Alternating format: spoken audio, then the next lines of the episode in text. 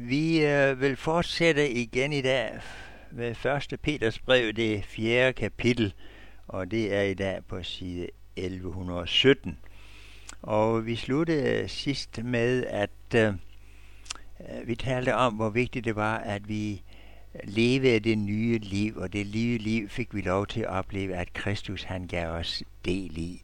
Så at vi ikke behøver at gå og tænke, nej, må jeg nu gør det rigtigt den måde den måde, men vi må få lov til at opleve, at Gud han hjælper os fra dag til dag til at leve ret for ham. og når vi lever anderledes end det, vi måske plejer at gøre, så kunne vi godt opnå at møde modstand, men vi skulle være villige til at stå i det på en god måde med et godt vidnesbyrd ud af til. Og øh, øh, det vi sluttede med også, at de, som står på den måde, de skal stå til regnskab for ham, der er reddet til at dømme levende død og døde. Og vi ved, at det kommer en dommens dag.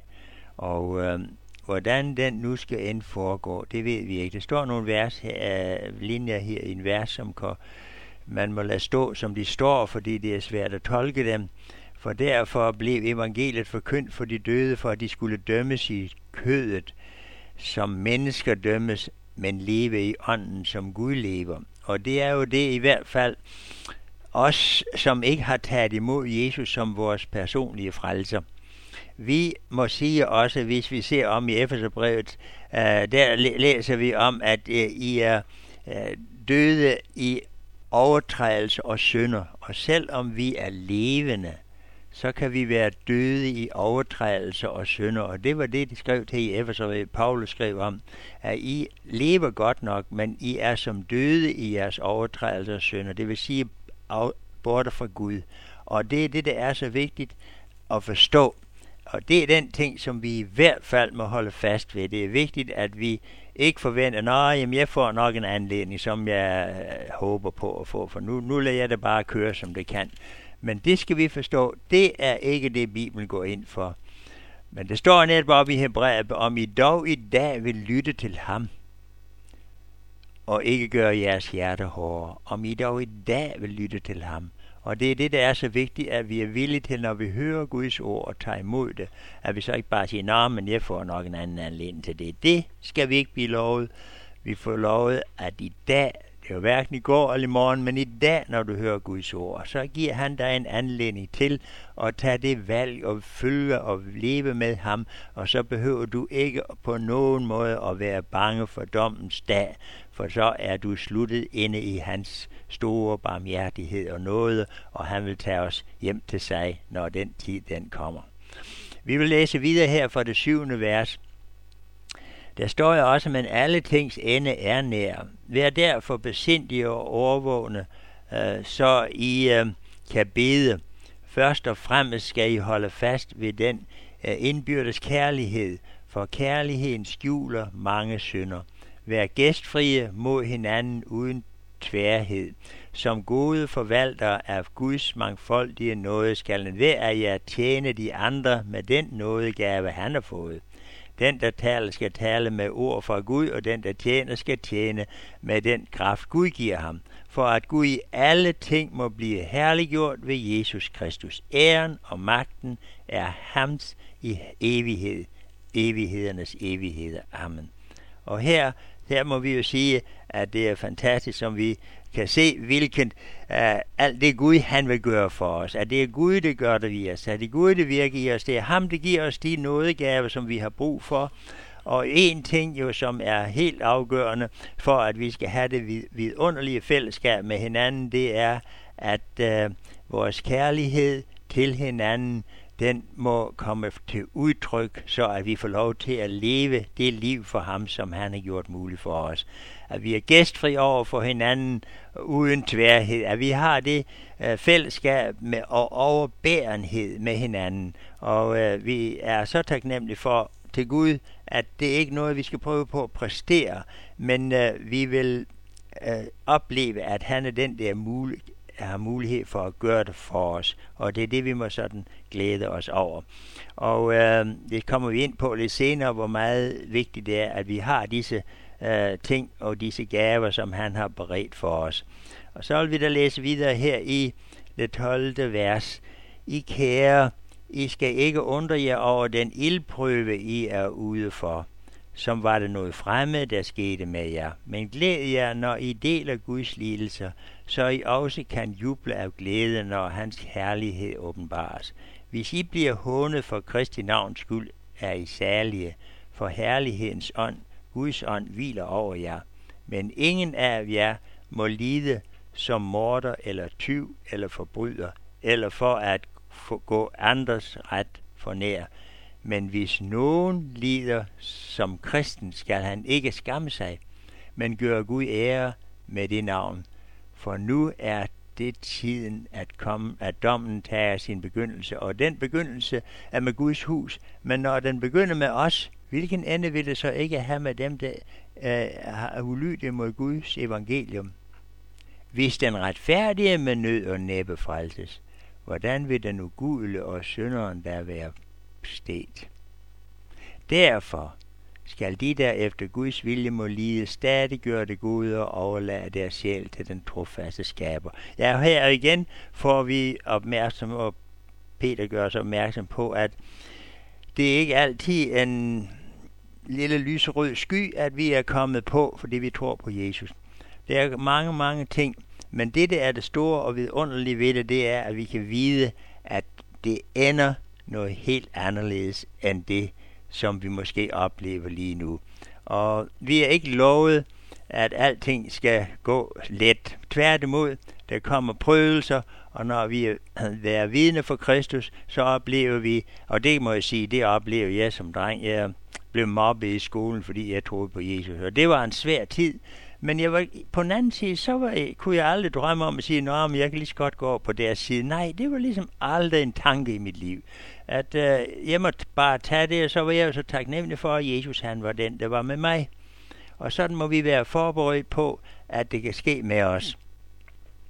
At øh, vi ved, at det kommer en dag, som, og det har vi mindet hinanden om, før det kommer en dommens dag, og den behøver vi jo ikke at frygte, når vi tror på Jesus, for vi er jo allerede gået over fra døden og til livet. Vi, det er jo det helt fantastiske. Når vi tager imod Kristus, så er vi gået over fra døden og til livet. Det, læser, det siger Guds ord så stærkt, at vi har fået livet, og det liv, vi har fået, det er det evige liv, og det varer i al evighed. Og det er jo det, vi har fået del i. Så vi er sådan, vi skal sådan set ikke igennem sådan set en, en, en fysisk død, men ikke en åndelig død. Vi går bare fra det liv, vi har her, som kan være trist og svært, hjem til et herligt liv. Og det er jo en vidunderlig tanke, og det bliver vi, men vi bliver mindet om noget her, som er meget alvorligt.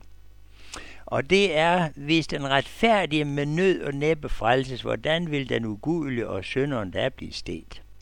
Og det tror jeg, at vi lige skal tilbage også i, i uh, første Mosebog. Der har vi i hvert fald et stærkt eksempel på en, som det kunne være lidt svært for at finde ud af i forbindelse med det at skulle gå fri fra dommen og det er Lot. Lot, han var jo, han troede på Gud, men han var kommet meget tæt på Sodoma og Gomorra, og der var så mange ting, som han var så optaget af. Han, og der var mange ting, som han syntes, det var, og der var gode græsgange, og det var så meget. Og så måtte Gud straffe Sodoma og Gomorra. Det tror jeg nok at hver menneske, som ikke engang kender Bibelen noget om, det der med Sodoma og Gomorra. Gud måtte straffe Sodoma og Gomorra på grund af deres synd. Men nu, øh, men øh, Lot og hans familie, Lot og hans familie, de troede på Gud, selvom de så også boede der. Og det var jo en, øh, en forfærdelig ting for ham, for, for, og så var det det Gud, han skulle straffe, men hvad så, hvad så med Lot? Skulle han nu øh, straffe sammen med, med de andre? Og ved I hvad? så kan jeg fortælle jer, at Gud han havde bestemt, at han ikke skulle, for han troede på Gud. Og derfor sendte han nogen, og det var nok nogle engle, for at fri Lot fra uh, denne dom, som skulle komme. Men nu her læser vi nogle meget alvorlige ord om Lot, og det er i det 16. vers i det 19. kapitel uh, i øh, første Mosebog. Det vil være godt at, for, at, at slå de vers op.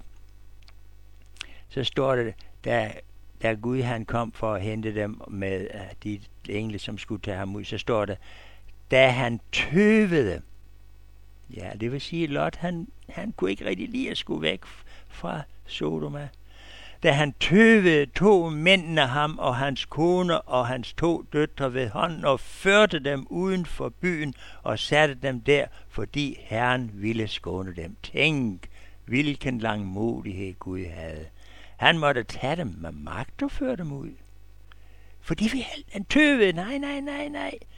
Så kom Gud med magt og tog dem ud, for han ville skåne dem. Gud han er så usandsynlig god og overbærende, også med, også med Lot. Og det er det, vi skal være så taknemmelige for, at han øh, overser ikke sig, nå, jamen, så kan han da få lov at blive. Nej, nej, nej, nej. Og det er jo vidunderligt, at vi må stå på den side af Guds dom, at han ser til og sørger for, at vi bliver skånet for den straf, som ugudelig må øh, igennem, fordi de ikke vil have med ham at gøre. Så derfor skal de der efter Guds vilje må lide, stadig gøre det gode og overlade deres sjæl til den trofaste skaber. Og det kunne selv Lot gøre, overlade til den trofaste skaber, som førte ham ud. Og hvor må vi være taknemmelige for, at det var det, han så oplevede. Vi kan i fortsætte her med det femte kapitel i øh, første Peters brev. Øh, der står der, Jeres ældste formaner jeg som medældste, og som vidne om Kristi lidelser, og som den, der har del i den hellighed, som skal åbenbares. Vær hyrder for Guds jord hos jer. Vogt den ikke af tvang, men frivillige, som Gud vil det. Ikke for usel vindings skyld, men glad og gerne.